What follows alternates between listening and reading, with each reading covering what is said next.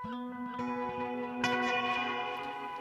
vísjá dagsins verður fjallað um leiksýninguna Einn komst undan, bókina Bærin brennur, tónlist bandargjafansins George Crumb og myndlist í hveragerði.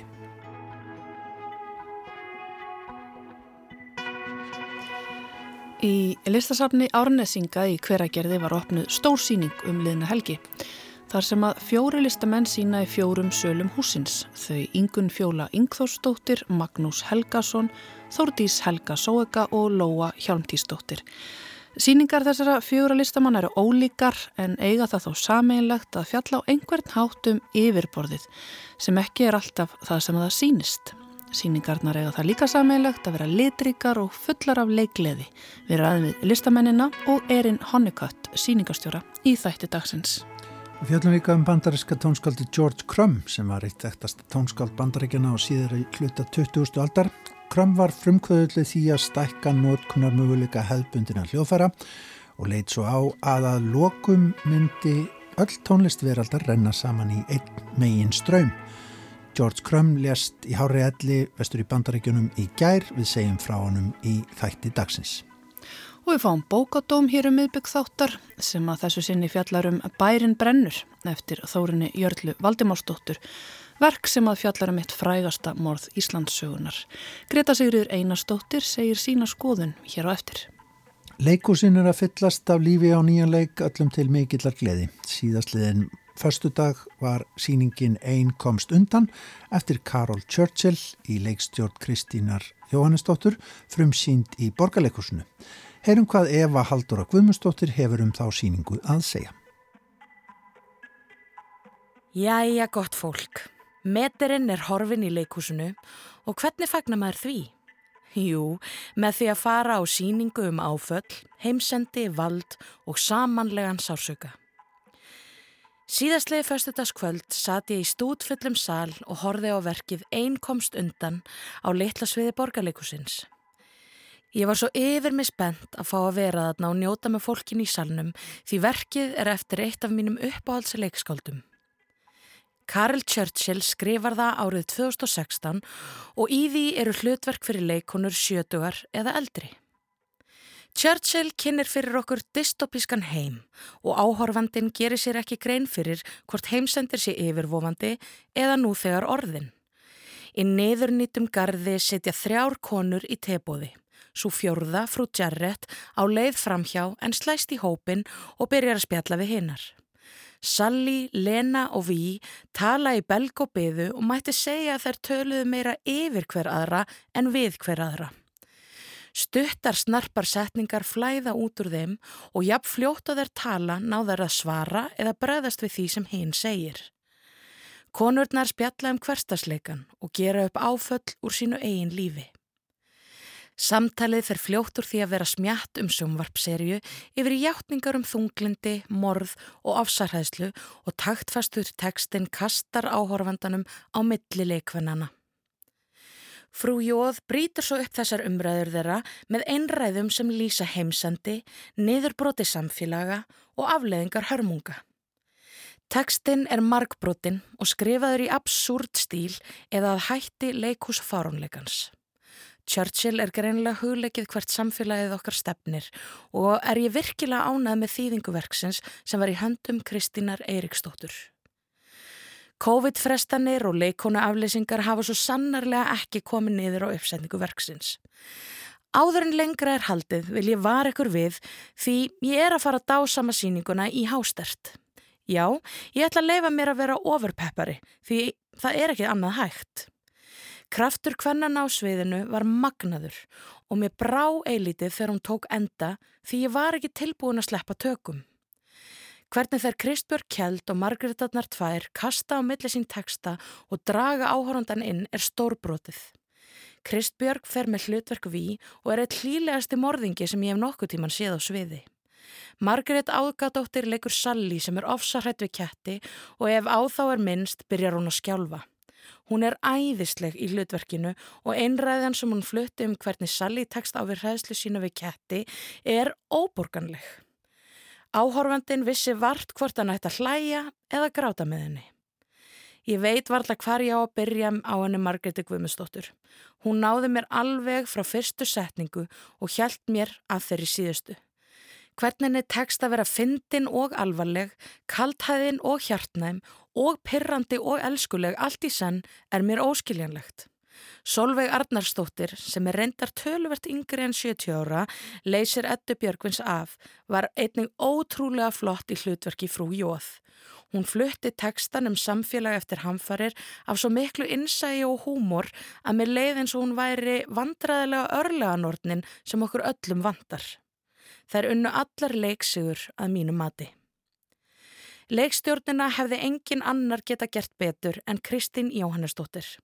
Með einstakri næmni og án allrar vægðar nær hún að skapa heim sem áhórandin kaupir strax. Maður lappar inn í salin og sér konurnar pískra á sviðinu og frá upphafi langar mann að vera hluti af hópnum. Hljóðheimurinn og lýsingin tala vel við steriliserað kapsamt kapitalist umhverfið sem endur speklast í tekstanum en býr til spennu þegar það mætir mosa leginni leikmyndinni. Kristín byggst ekki afsökunar eða fyrir leint með gaggrinni sína á samfélagið og fyrir það er ég einstaklega þakklátt. Leikhópurinn hefur unnið svo vel að því að koma verkinu til skila. Hefur skilið klappa bakið því allt gekk upp. Þau ná að framkalla stórkostlegar andstæður sem stangast á og áhörfandin kastast á milli líkt á bortennisbolti. Segla mannkinsins er virkilega ábyrjandi í verkinu en einnig sjálfsköpu tortíming þess. Andstæða tepóðsins annarsvegar og heimsendisins hinsvegar býr til þá tilfinningu að sé verið að hæðast af hennu tæknivætta kapitiliska samfélagi ásamt því að beina sjónum okkar að manneskinni og hennar breyskleika. Mér finnst eiginlega hlægilegt hvað verkið tala skýrtinn í tíðaranda dagsins í dag því verkið er skrifað árið 2016.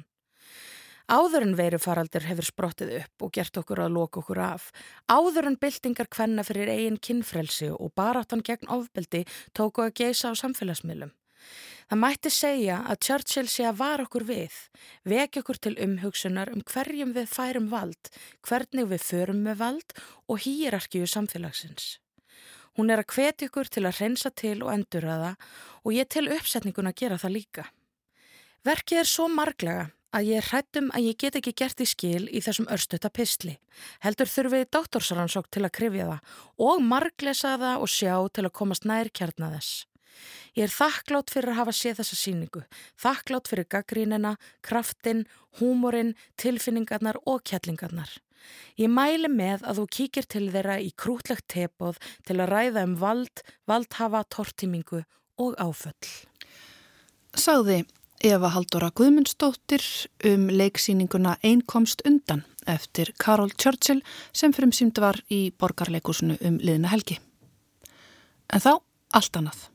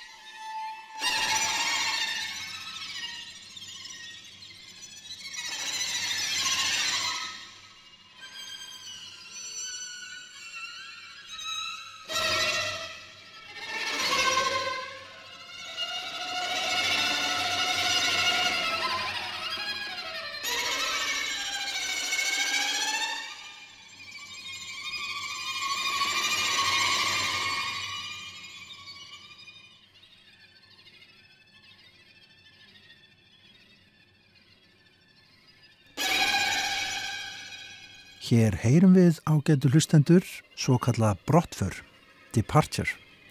Fyrsta kaplan úr einum af frægustu strengjakvartetum 20. aldar, strengjakvartetunum Black Angels frá árinu 1970 eftir bandariska tónskaldið George Crumb.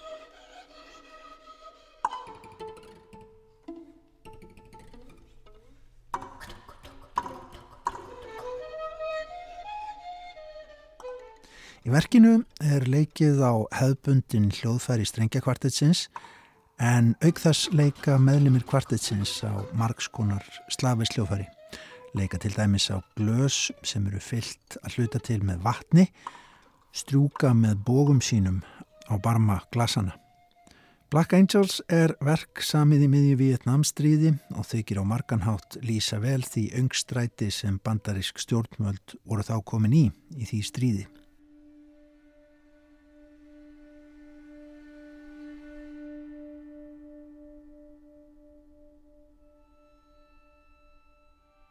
Hér er það Kronos strengjakvartetinn sem að leikur Black Angels, heims frægur hljóðvarahópur sem að var til upp úr því að frumkvöðul hans og fyrsta fyrla, David Harrington, heyrði þetta verk eftir George Crumb sem kvartetin átti síðan eftir að bera ennvíðar um heimsbyðina. Í meðlitíðinni var verkið flutt til dæmis hér á Íslandi árið 1977 á Ung Nordísk Musík tónlistarháttíðinni en þá var George Crumb einmitt gestur háttíðarinnar hér í Reykjavík, komin til að fræða norrænan æskulíð á tónlistarsviðinu um sínar tónsmíðar og aðferðir.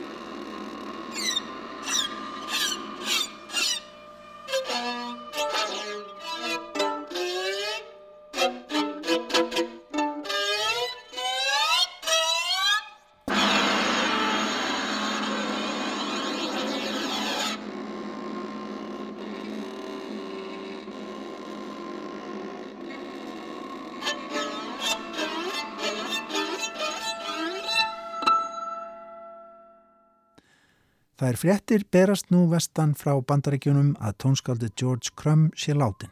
Hann lérst vist í gær í Pennsylvania í bandarækjunum 92 ára aldrei. Hann var fættur árið 1929 í Charleston í vestur Virginíu og hóf snemma að semja tónlist. Mest af skólun sinni í tónsmíðum fekk George Crumb í mentarstofnunum á austuströnd bandaríkjana nema hvað hann helt til skamstíma til skiptináms í Berlín í Þýskalandi. Í verkum sínum var George Crumb nokkuð á undan sinni samtíð þegar koma því að leita óheðbundins hljóðblæs í nótkun heðbundina hljóðfara.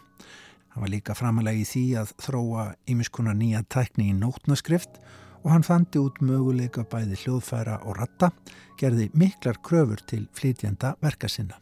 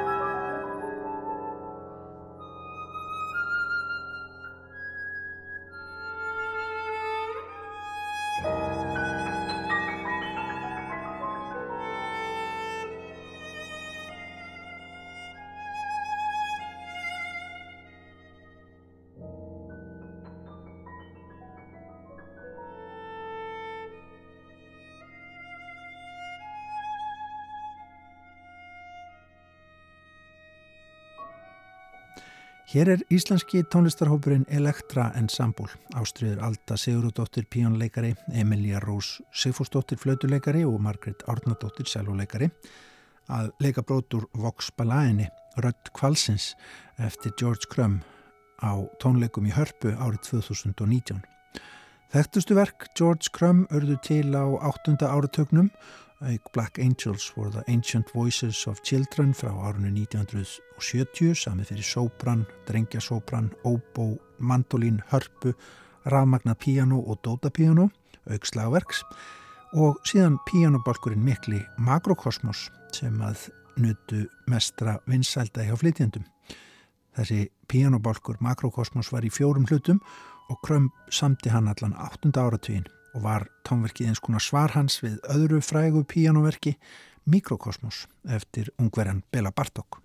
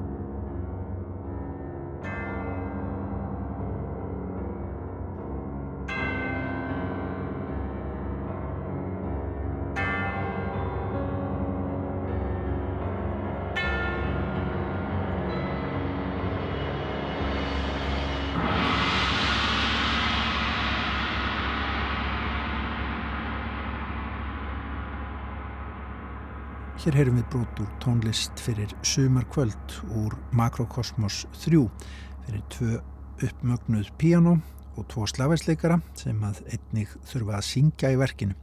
Verki er vinsælt til flutnings enda áhrifa mikið. En kannski var George Crumb fyrst og fremst mikilverkur kennari í bandarísku tónlistarlífi á 20. öld en hann saði sig frá kennslu undir lok hennar árið 1997. Hann var margverlanaður fyrir verksín, fekk Púlitzirvelun fyrir tónlist strax árið 1968 og Grammivelunum aldamótins og eitthvað sem nefndi. Stærstu tónskáld veraldar í kringum aldamótin 1900, menn á borði Debussy og Mahler, voru Kram innblástur í fyrstu, auk Antons Webern. Það var síðar óvennileg meðferð hljóðfæra og ratta sem að skildi George Crumb frá þessum áhrifavöldum sínum og jafnframt leitað andlegu intaki tónlistarinnar. Hann var fyrir sterkum austrænum áhrifum, leit svo á að öll tónlist veraldar væri í raun að renna saman á einhvern andlegan hátt. Tónlist veraldar er að koma saman, er haft eftir honum og George Crumb var gerðna á að leita fanga í tónheimi fjarlæra menningarheima í tónlistinni. Heyrum bandaríska tónskóldið George Crumb sem að lést í gærvestur í bandaríkunum 92 árað aldrei að lokum lýsa þessari hugmyndsinni stuttlega.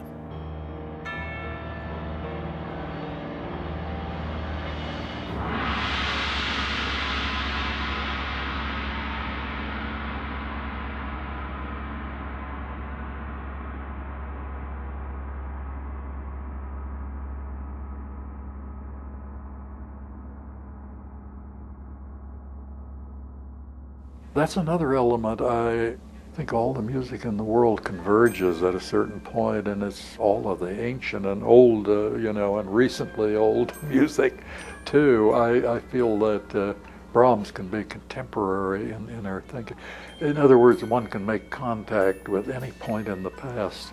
I guess you'd call that uh, kind of postmodernist. Mm-hmm. And I would have to describe myself as uh, in that category.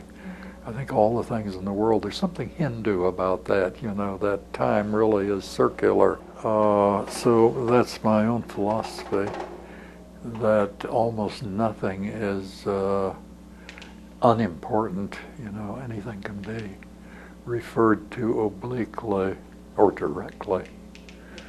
You know, any moment in the past, any moment in another style of music other than the, your own culture, for example.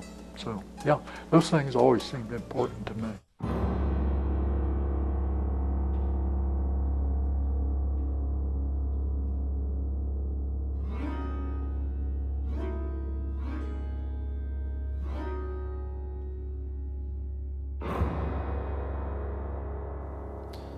Tónlist fyrir sumar kvöld eftir bandaríska tónskáldið George Crumb úr Makrokosmos bálkinum.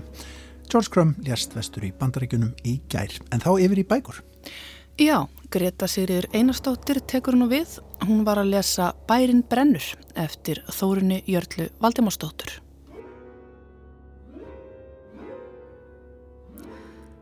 Sumir liðnin merkis atbyrðir og sögulegar personur í Íslandsögunni eiga stærri sess í hjarta þjóðar en aðrir. Sögurnar þeirra eru rifjaða reglulega upp og í hvert sinn sem þær eru endursagðar breytast þær örlítið í takt við tólkun hvers tíma. Gott dæmi um slíkt er sagan af Brynjólfi Biskup og Ragnheiði dóttur hans. Til eru sögulegar heimildir um hvað hendi þetta fólk, en í gegnum tíðina hafa ekki ómerkari skáld en Torfildur Holm, Guðmundur Kampan og Gunni Þórðar gert sitt til að reyna að fylla upp í eigðunar segja okkur með sínum eigin orðum ekki bara hvað gerðist, heldur hvers vegna, hvað vakti fyrir fólki og hvað stjórnaði ákverðunum þess. Sögulegar personur sem eitt sinn voru manneskur af holdi og blóði lifa áfram sem hálfgerðar þjóðsagnapersonur og í gegnum spjesspeil tímans koma gjörðir þeirra ímist ankanalega eða göfulega fyrir sjónir.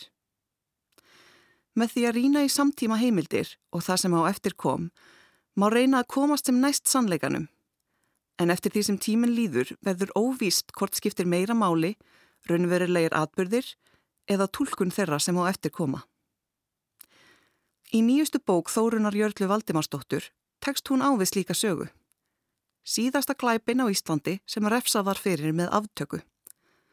Agnes og Fridrik eru personur í skáldsögum, ljóðum og tónlist en ekki síður Nathan Ketilsson, Vassendarósa, síslumadurinn sem fyrirskipaði aftökuna og böðullin sem framkvæmdi hana. Bærin brennur er ekki söguleg skaldsaga heldur sagfræðiritt en Þórun leggur þó upp með að sagfræðin sé ekki ætluð öðrum sagfræðingum heldur almenningi. Bókin er því ekki á hátimbruðu máli fræðimannsins heldur er í henni alþýðlegur tótt.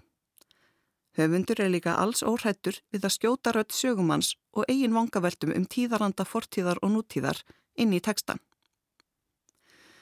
Í yngangi skýrir Þórun frá því að hún hafi verið kvött til að skrifa verkið af eiginmanni sínum heitnum Eggerti Þór Bernhardsinni, en sig hafi upphafi óað við því. Eggert hafi sapnað saman heimildum um málið sem var honum skilt, en það afkomandi böðulsins sem útdeldi réttlætinu á sínum tíma.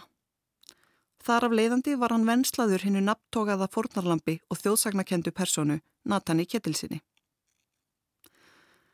Sagan af Agnesi og Fridrik og morðinni á Natani Ketilsinni er þekkt fyrir að snúast um ást og græki, ofbeldi og framhjáhald. Síðast komist þau skötuhjúin í almæli þegar hinn nýsjálenska Hanna Kent gaf út bókina Náðarstund um atbyrðina sem leitu til aftökunar við þrýstapa. Í þeirri bók er sagan sögð út frá sjónarhóli Agnesar og morðinu líst sem alltaf því óumflíjanlegu ef ekki réttlæðanlegu. Raunar hafa Agnes og Fridrik ofta tíðum fengið meiri aðtekli en fornarlamp þeirra sem margir þekkja helst fyrir að hafa verið elskugi vassendarósu og svo að hafa verið myrtur. Nathan hefur í gegnum tíðina ekki þótt sérstaklega merkilegur pappir. Hjónadjöfull og skottulagnir sem þar að auki átti að hafa sangaðað sér svo miklu fjö að vinnufólk hans sæi sér hagi því að koma honum fyrir kattarnef. Það fer allt eftir því hvaða frásögn þú lest. Í bærin brennur er aðteklinni hins vegar beint frá gerendum glepsins og að þólendanum. Stríður lestur á samtíma heimildum um æsku ókniti Natans og fræð hans fyrir skottulækningar og fjársöfnun gefa til kynna að Natan hafi ekki verið barnana bestur en heitlandi maður engu að síður. Varðandi meint kynferðisofbeldi sem fjallaðir um í kaplanum ástir Natans, til dæmis skakvart rúmfastri konu sem ekki gekk heil til skóar, eða vinnukonum sínum, leifir höfundur Natani að njóta vafans, en tekur þó sérstaklega fram að maðurinn hafi haft meiri sexapíl en gengur og gerist. Slíka miskun er ekki að finna í lestri á samtíma heimildum um Fridrik og fjölskyldu hans sem kynnt eru til sögunar sem sögða þjóvar og brennuvarkar upp til hópa í kabla sem ber heitið Ímsir stuldir þeirra í Katadal. Úr heimildum um Agnesi er helst lesið að hún hafi verið heldur ófríð og ekki stjætt á heldur sem getur framkallað flækjur og beiskju. Frásagnarstýlinn er sérstakur og höfundur liggur ekki á skoðunum sínum. Hér er ekki um hlutleysi sagnareitara að ræða og höfundur er óhrættur við að bæta inn eigin vangaveltum um lífið og tilveruna.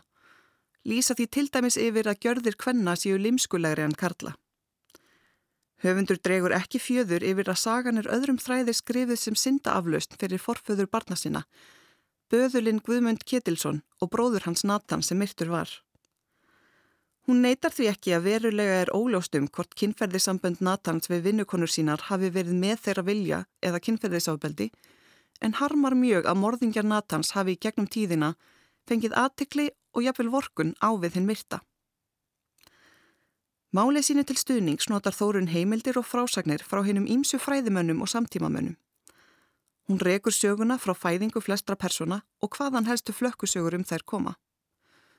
Höfundur fer yfir helstu heimildir, hvað þær eru sammála um og misræmi á milli þeirra. Þetta gerir lesturinn endurtekningar saman, þó sérlegir áhugamenn um morðið á Natani Ketilsinni getur glaðst yfir natninni við smáadriðin.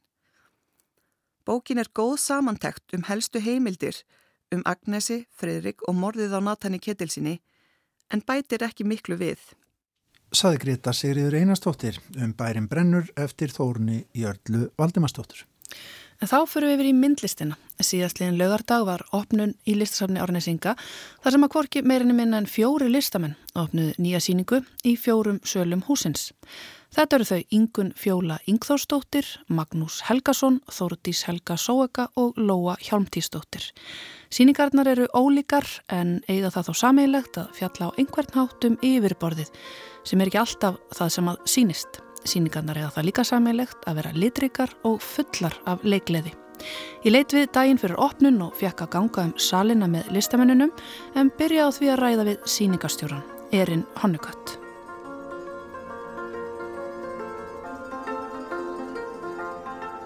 Þetta er stórt verkefni. Fjóri listamenn í fjórum rýmum og það eru fjórar í rauninni aðskilda síningar sem þó eru allar settar undir einhvers konar sama hatt, ekki satt? Þetta er, þetta er satt. Þau er um, sikkerlega en samt, já, þetta er ett línu sem vefja á mitt í öllum. Svo fyrir mig það er, þessi síningar er allir um, allir góð dæmi um hvernig listir samlífiskerfi á í áhörfunda og listaverk. Og það er reyfing og leikgreiði sem er stór hluti af því mm -hmm. í þessi síningar. Mm -hmm. Og þeir eru allt með línu sem vefja skinnjun og ramma skinnjunar og, og líka efni yfirbóldsmyndirnar. Þetta er alveg svona forleifafræði í myndirnar. Bara mikið rannsókn í hvað er efni í myndirnar. Mm -hmm. Þessi lína sem er sameileg, þetta þetta sameiginlega hérna á millið þessar ólíku listamanna er um, að þau eru á einhvern hátt öll að fjalla um einhvers konar yfirborð. Já.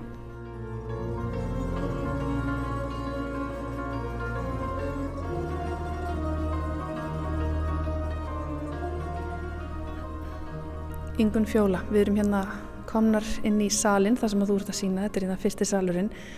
Titillin á þinni síningu er Þú ert kveikjan. Hún er einn saðið mér frá því hérna áðan að já, það sem að tengir ykkur öll saman hérna er þér á einhvern hátt að vinna með yfirborðið ég sé það, ég held að ég skinni það hér að við sem komin, komnar algjörlega út fyrir málverkið. Já. Hvað ert að hugsa hér? Einmitt. Það mætti eða segja að við varum bæði einhvern veginn inn í málverkinu og líka út úr því að hérna, ég er hérna með innsetningu sem samanstendur af nýju frístandandi römmum sem eru hérna í eh, já, öllur íminu, svona raðaðu upp á mjög svona, hvað segja, reglubundin hátt og svo eru fletir á veggjónum uh, málaðir fletir í mismunandi, það er fjórir mismunandi litir, en allir svona í einum lit, þannig að þetta er svona monokróm málverk.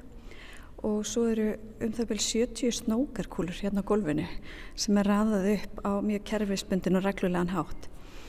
Og þetta verk er þannig að þetta er í rauninni þáttökuverk að það er ákveðin regla og verkið, það er á hverju mótni búið að raða verkinu á ákveðin hátt, ákveðin munstur og svo með að gestirnir snertaverkið og fyrkt í því og þá rugglast munstrið sem ég er búin að setja fram. Þannig að ég er í rauninni, já ég er svolítið að velta fyrir mig kerfum og munstrum og, og set fram þetta kerfi sem að ég býð áhórandanum að, hvað ég segja, svona ruggla í. Þannig að hérna, og svo næsta dag þá raðar starfsmenn sapsins öllu aftur sinn stað og svo byrja leikurinn að nýju. Er þetta að hvetja okkur til að breyta kerfunum? Já, en samt sem áður er kerfið mjög undirliggjandi þannig að ég er svolítið, já, sko ég er svolítið að pæla bara í kerfum sem að stjórna heiminum og, og hvernig við höfum svona tilneigu til þess bæða að setja hluti í kerfi og flokka hluti og struktúrar hluti. Það hjálpar okkur að skilja og hjálpar okkur að halda utanum bara heiminn en á sama tíma er innbyggt í okkur að veita kerfum viðnám og vera að veita kerfum mótstöðu og þannig verður framþróun af því það er eitthvað kerfi sem við brjótum upp. Þannig að ég er svolítið að velta fyrir mig svona sko, þessu núans þarna milli, eða bílinn þarna milli.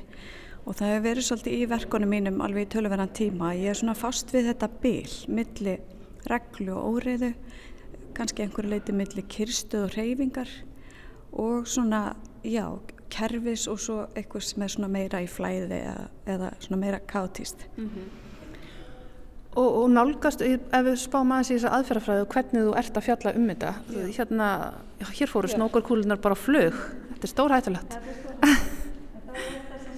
En, en nálgast þetta sem sagt, þetta er rauninni innsetning hérna, já. en maður upplifir þetta samt eins og maður sé, já, einmitt fyrir að málverki hafi kannski leist upp? Já, ymmið, það mætti alveg kannski segja það því að rammarnir eru konur út á golf og hérna máluðu flitirnir eru á veggjónum þannig að það mætti kannski líta það sem sko bakgrunn og svo forgrunn og snókurkúlurnar eru kannski, já, ég veit ekki, viðfónsefnið eða þannig að það er einhvern veginn búið að taka allt í sundur og raða því á nýjan hátt og raða lítunum þannig að líka áhörandi getur breytt eh, hérna, með því að snúa römmunum. Þeir eru uh, snúanlegir um svona miðjós og með því að snúa römmunum að þá uh, breytist litasamsetningin og, hérna, og það rammast mismunandi fletirinn en líka við það að við hreyfum okkur, við að það áhörandi hreyfi sig, mm -hmm. að þá sér maður mismunandi liti eins og við stöndum núna hérna í miðinu og horfum á bleikanlit þegar við snúum fram en til hliðar við okkur er grætlitur og hinum meginn við okkur er mm -hmm. fjólblar.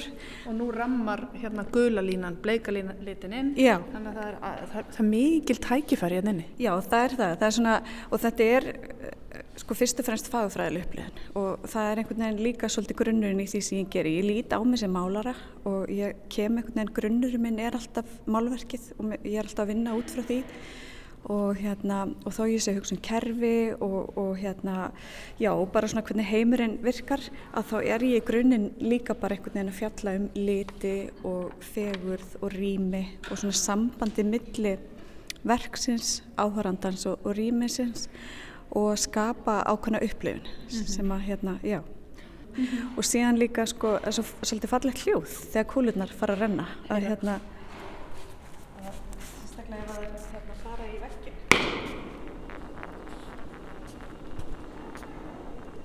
Já, þetta er mjög skemmtilegt.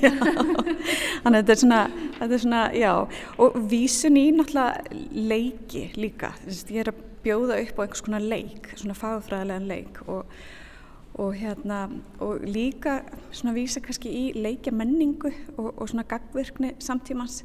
Að hérna verkið er líka kannski svolítið eins og talvuleikur, það er núlstilt alltaf og, og svo fer eitthvað í gang og svo er aftur hérna system reset og hérna núlstilt á hverjum degi.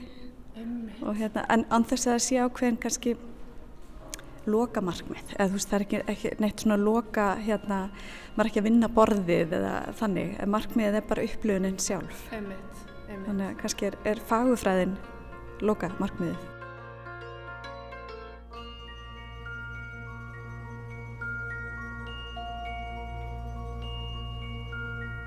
Þá er ég komin inn í næsta sal þar sem Magnús Helgason er að sína. Yfirskrift síningar hans er Rólon og það ríkir sama leikleði hér eins og í hinnum salnum sem við vorum að stíga úr. Hér er mikið að litum, hér er mikið um að vera.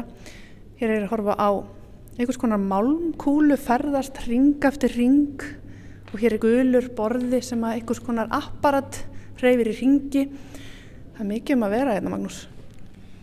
Já, það er rétt hjá því, það er mikið með að vera. Eh, Ég veit ekki alveg hvað ég segi meira um það. Nei, ég var að tala við hana Erin hérna áðan Já. um að tala um svona konsepti sem heldur utan um ykkur öll, þeir eru mjög ólík, ólíki listamennina. Hún talaði um það með því að nota enga ramma og kannski leysa hann upp, þá væri eru samt kannski að tala um ramman. Tekur undir það? Sko, nei, alls ekki, sko.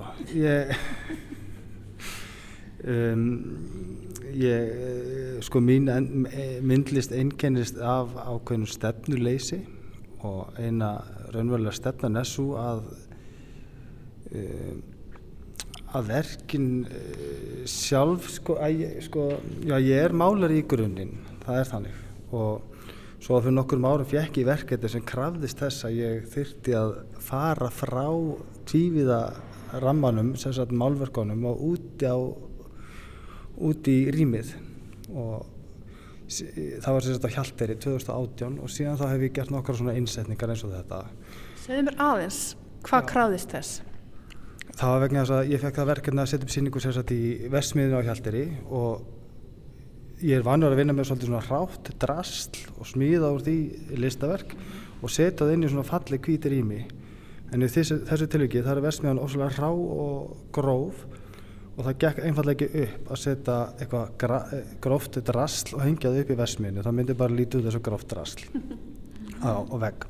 Og sem sagt Já og þá uh, fór ég sem sagt aðeins út á golfið og út í hérna rýmið, fór inn á svið að mér fannst svolítið an, annara, annars fólks, eitthvað sem ég hafði ekkert verið inn í áður en allan á og þetta bara er búið gaman og ég hef gert þetta nokkuð sem síðan og hefur gengið bara, hefur mér fundist gaman að fara einmitt út úr þessum þæginda ramma en um, það má nú segja að innsetningarna séu unnar alveg sama hátt og málverkin mín eru unnin og þau eru unnin úr svolítið fundnum efni við þig.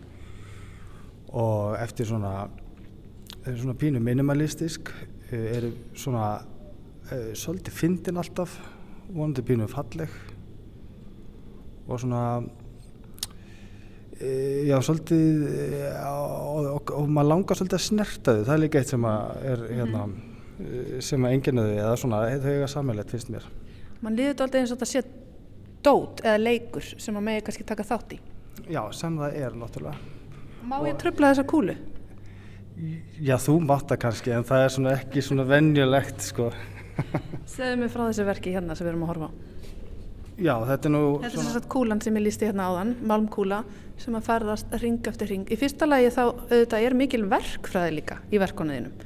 Já, svona, ég veit ekki alveg hvort það sem ég kallaði verkfræði, en það þarf að leysa ímis vandamál, Ég það er alveg rétt, það er ímsar, sko, það er mikil vinna sem liggur og hugsun og bakvið uh, margans og hlutum, það er alveg rétt, sko.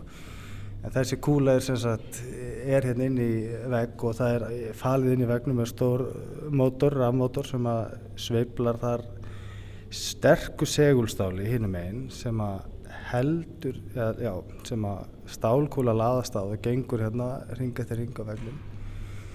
Uh, sko, það er bara þannig með myndlist, myndlistamenn eru svolítið hefnir að þeir geta uh, raunverulega gert hvað sem þetta eftir í hug og þau geta gert hluti af því bara.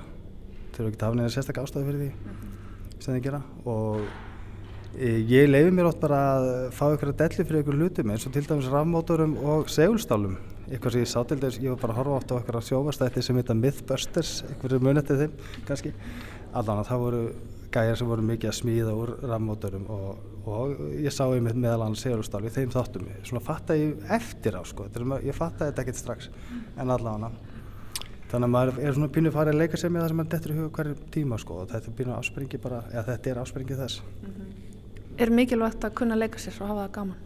Já það er alltaf gaman og ég, mér hérna ég ákvað snemma eða að reyna að eða tímanum frekar í það að gera skemmtulega hluti heldur en leðilega, svona almennt og já, minna, maður er bara, ég er alltaf í því bara að reyna uh, láta mér liða vel og þá er, hérna, get ég skapað vel og þá er gaman og þetta er allt svona, já, já það var gaman að hafa gaman að veistu hvað stið, það var gott, ef maður er tekstað. Já. Þér tekstað búið til skemmtun hér allavegni, það er margt sem að leynist þér, það eru óvæntir, já það er svona, ef maður gengur inn um salin, það er rosalega mikið af óvæntum uppákomum, má kannski segja. Já, það er svona, þetta eru svona pínu hérna lítil ástaræfintir eins og við vorum að ákveða að nefna þetta henni gæri, eða flings á ennsku. Það sem þetta eru svona um, pínu verk sem er ekkert kannski sérstaklega heild stæð heldur, bara svona e, áhærandi gengur framhjá að verði fyrir pínu hissa í smá stund svona, kannski pínu sigur á tunguna í, í eina sekundi, það er svolítið þannig. Og þau dýfkast hennilega ekkert mikið við það að horfa oftar á þau held ég eða búa með þeim, það er svolítið þannig held ég. Já, það ég allavega hérna hvet fólk að koma hérna og eiga óvæntan ástarfund við þessi verk hans Magnús Helgarsson og takk fyrir spjallið og til hammingju með Rólun. Takk fyrir, takk sem leðis.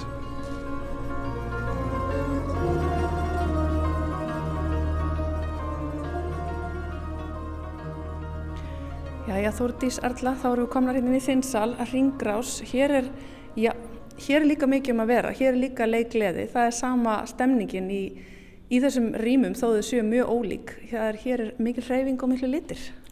Já, þetta er náttúrulega allt eitthvað sem snýst um snúning. Og hérna Kristín hafði samband með mér sko í sumar, ég held að ég hef komið svo kannski aðeins setna inn í hérna ferlið. Og þá sagði mér svona þú veist að Maggi og hérna yngun ætlaði að gera eitthvað svona sem væri svolítið svona snúast. Og ég sé, eða veist, ég sé myndir af vinsendingunar yngunar áður, þannig ég vissi svona út af hvað hún um hvað hún snerist. Og semulegis með verkinu að smaka um hvað þau snúast. Já, Þannig að þú ákveður þetta út frá þeirra eiga svona smá samtali við þau. Sko ég áttur einhvern veginn samtal við þau en ég svona ákvaði þegar ég er svona millisalurinn mm. þetta er svona sérstaklega salur sem svona tengið saman svo tvo svona stóru björtusali og meðan ég er í svona, svona dimmur mig en ég ákvaði svona að nýta mér það. Og ég er búin að vera að vinna með svona litbreyti filmu núna síðast leðin misseri Lítbreyti filma, hvað er það? Uh, þetta er svona filma sem ég hérna festi á plexiglar og hún breytist sér bara eftir bara hvernig hún lítur á hana. Mm. Þannig að hún, uh, hún er með eitt lit í gegnum sig, hún er jafn speiklandi og hún er endur speiklandi. Og það er eitt litur sem fyrir gegnum hana, annar litur sem hún endur speiklar og svo þriði liturinn sem maður sér á fleturum. Mm -hmm. Þannig að þetta er svolítið svona, svona töfraefni.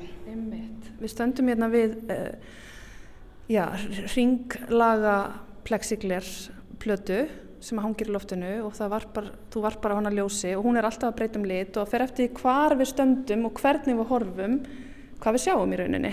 Já, rauninni, hún hangir inn á svona diskokúlu mótor þannig að hún stýst svona alveg endalust um rýmið og myndar svona ringrás mm -hmm. og hérna en svo ákvað ég að setja þess að gardínu fyrir framann, svona stremlagardínu svona eins og er svona á allum betri heimilum og mér var svolítið gaman að blanda saman þessi svona sci-fi effekti sem þessi, filma býr til. Sama við, veist, þetta svona heimilis svona hei, heimilislega. Einmitt, einmitt.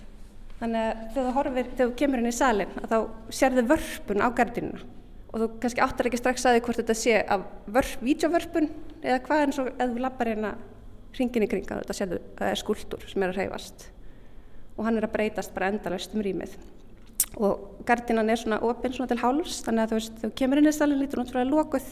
En þú kemur úr salnum þá verður það að vera opinn mm -hmm. og það líka byrtið svona mjög fallit en að aftast í salnum svona brítur upp ljósið og heldur svona gangandi áfram í gegnum rýmið. Það þarf svo mikið að vera hérna til að upplifa þetta. Það er svona ekki allt sem að sínist og það er svona margbreytilegt yfirborð hlutana hérna inni, ekki satt? Jú, algjörlega. Og ég var svona hugsað um svona sem ég veist þetta svolítið minna á sólina. Þannig að ég var svona að hugsa um þetta sem svona þú veist, það er einhver að opna gardinuna sína einhver staðar um alla jörð og einhver að lúka gardinu sinni á sama tíma, einhver staðar um alla jörð. Og mér finnst það svo skemmtileg pæling þú veist, það er svona einhver svona bylgjueffekt um alla jörðina sem að sólinn náttúrulega er að stýra. En þetta er svona artificial sól náttúrulega. Mm -hmm. og, en við erum náttúrulega stjórnum svolítið af svona artificial hlutum og þetta er svona smá svona tekni svo einu aftast í rýminu er ég með uh, svona eins og hálgerða skjái sem að þú veist endur spekla þessa rútínu í rauninni eða þú veist, veist svona, svona eftir svona, svona daily grind svolítið, þú veist, maður er alltaf einhvern veginn vaknar og gera sama þú veist, það er svona, þú veist, en það er líka þú veist, svona, svolítið cozy flestir flestir vilja rútínu. Mm -hmm, mm -hmm. Þannig að hérna megin erum við með, við erum með svona náttúrulegu rútínu sem við kannski ráðum ekki alveg við og hérna er þetta að tala um hérna. Það var eins og, eins og Erin sagði, veist, þetta mynda ná, þú veist, á flestum er daglega rútínan að setjast niður og opna tölverskjá og þetta er svona kannski minni svolítið á tölverskjá. Akkur er þeir þessi ringrás og rútína svona hugleikin? Um, ég held að sé, þú veist, ef maður er eitthvað neginn svona orðin mamma það er ekki slúið fundið hérna, nú var ég hérna fyrir fjórum árum síðast jáður með, með unga bann og nú er ég aftur hérna með unga bann hérna, og, og, og er maður svo að hugsa maður svo mikið um bara einhvern veginn sólarhingin út af verið sig. Maður er alltaf að pæla í einhvern veginn svefn og vöku hvenar, og, það er svona hvenar dagurum byrjur og hvenar dagurum endar. Og það er svolítið svona abstrakt koncept en mér finnst líka bara svo gaman veist, þessi pælingu það er, er alltaf allan daginn eitthvað að gerast hjá einhverjum. Svona þessi held, þú veist, bara við einhvern við jörðin, við jarðbúar. Erum, veist, en við eigum þetta öll samilegt mm -hmm. og það er einhvern veginn leiðilega boring rútina af að opna og loka gardínum. Þórtís, þetta er ótrúlega fallegt, þetta dökkar rými sem þú ert búin að umbreyta í einhverja töfra veröld til með þessa síningu Ringgrás. Takk fyrir.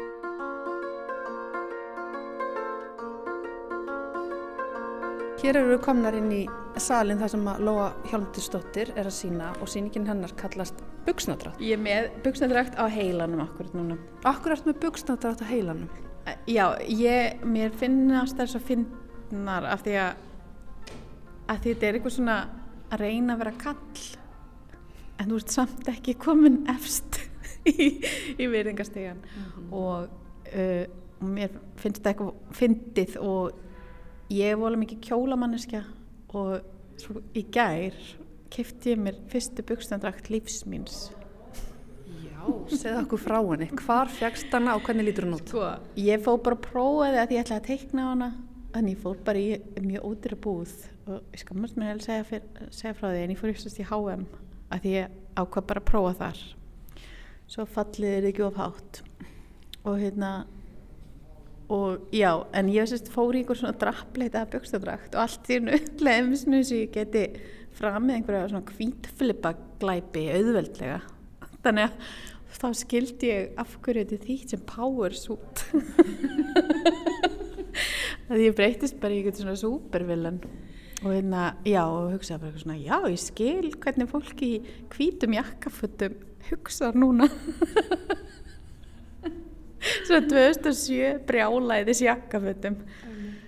Já, þetta er samt eitthvað svona, ég veit ekki, þetta, það er bara eitthvað svona við, við þessar, þessi född og þetta er eitthvað svona, þetta er mjög svona feminist dæmi en þetta er samt svo hallarslegt á samtíma, þetta er bara svo rosa cool og hallarslegt á samtíma og mér finnst þetta bara Það er eiginlega bara svona uppáhalds tókstreita mín. Mm -hmm. Hallarslegt og cool. Þetta, ef þú klæðið í, ég reyndar verið við kemur það líka, ég á heldur ekki neina, eða ég á enga buksnundræð. En ég get alveg ímynda mér að uh, þú upplýðið svolítið svona valdamikla, þú ert komin í þetta dress. Ég veit ekki hvort það er vegna þess að þetta er kallmannlegur búningur eða bara, ég veit ekki alveg hvað það er. Þú kannski lýsir því betur og þú ert búin að prófa það. Já, af því sko, og ég dróð hann með mér í búð og var eitthvað svona, ó nei, að ég fórðast að draga hann með mér í búðir að því að slæmar minningar hafa verið tregininn í fatabúðir þegar ég var bann og, og býða og leiðast mjög mikið en hérna og hann, ég kom í, í hérna, byggsnadraktinu út og klefanum og hann eitthvað svona, hvað er þessu sért í bílunum? að því að yfirlt ertu með svona snirtilegt hára, þetta svona business kall en ef þú ert með mikið hár í þessi, þessari múnderingu þá ertu alltaf innu komin í bílan mér finnst þetta skemmtilegt. Að þetta er svo litla breytingar sem skipta yngum máli en svo segja þér úrslega mikið. Þá ert, ert allt í hennu bara einhver önnu típa. Mm -hmm. það er geðvitt skemmtilegt að, hérna, uppgöta það. Mm. -hmm. og hérna, já. Þú ert með hérna, já, við erum að horfa hérna á allskynns útgafur af buksnadröktum Já, þetta er 19 buksnadröktir og einn samstingur. Mm -hmm. og svo ég er líka klæða svona gamlar stittur þegar sem að fólk held, held að væri hérna svona menningarlegar. Þegar ég var barn það voru svona bronsaðar stittir sem allir voru með á sjónvarpunum sínum upp í bregðaldi elskuðarnir og hugsuðurinn og eitthvað svona. Og ég er búin að klæða því fött úr hérna og núna heitaði vatnaskóður og vindarslýð sem að eru sumabúður sem ég fór ekki uh, hérna þannig ég er bara búin að gera mér, gera mér eitthvað svona hugmyndum hvernig það var að vera þar Sumabúður sem að þú fórst ekki uh, grein ég eitthvað beturleika þarna? Nei, nei, ég fór alveg úljótsvatt sko. okay, okay.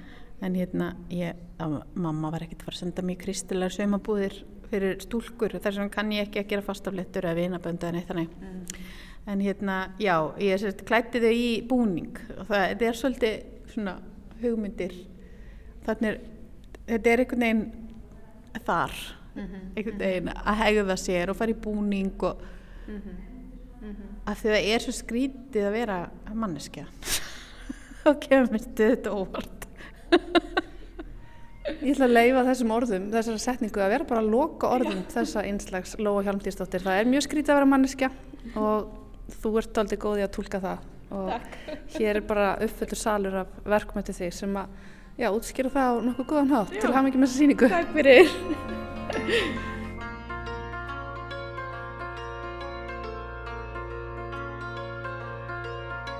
Þú nefndir einn upphafi leikleði, ég er alveg sammálað því, það er mikill leikur hérna og það er mikill gleði, þetta er skemmtilegt að lappa minna alla salina. Einmitt, þetta er mjög um, fjör og bara Já. með mikill ljós og, og þetta er bara góði vettur. og, um, en af hverju þessir fjóri saman? Þessir fjóri listamenn saman? Þetta var mjög organik hvernig þau komu saman. Um, Já, þetta var bara spjall á milli um, samstjóri Kristinn Skeving og ég og já, mjög organik, like, auðvitað, já. Mm -hmm. En þessi nálgun á, á, hérna, á verkefni hérna, að uh, fjalla um þetta yfirborð og, og svona hvað skilur okkur frá raunveruleikonum eða ekki raunveruleikonum eða, eða málverki frá lífinu, hvað er fyrir utan og innanramman, þessi nálgun, hva, hvaðan kemur hún? Um, fyrir mig það kemur frá bakgrunni mitt í, um, mitt í um, rannsóka videolist, ég held það. Mm -hmm. Það er mikið hver ég, ég er með um, mest hug, hugsun um, um listaverk. Já, þessum pælingum um hvað er listaverk. Já, Já einmitt, hvað er listaverk, hvað er um, um, hversu áhugavert listaverk er sem flæði á milli uh, miðlun og já, já. ég myndi það Og við endum þáttinn í hveragerði þanga sem Halla fór í listasafn Árnesinga til þess að kynna sér fjóra nýja síningar þar á bæ. Já, takk fyrir samfélgina í dag, verið sæl og við verðum hér aftur á morgun.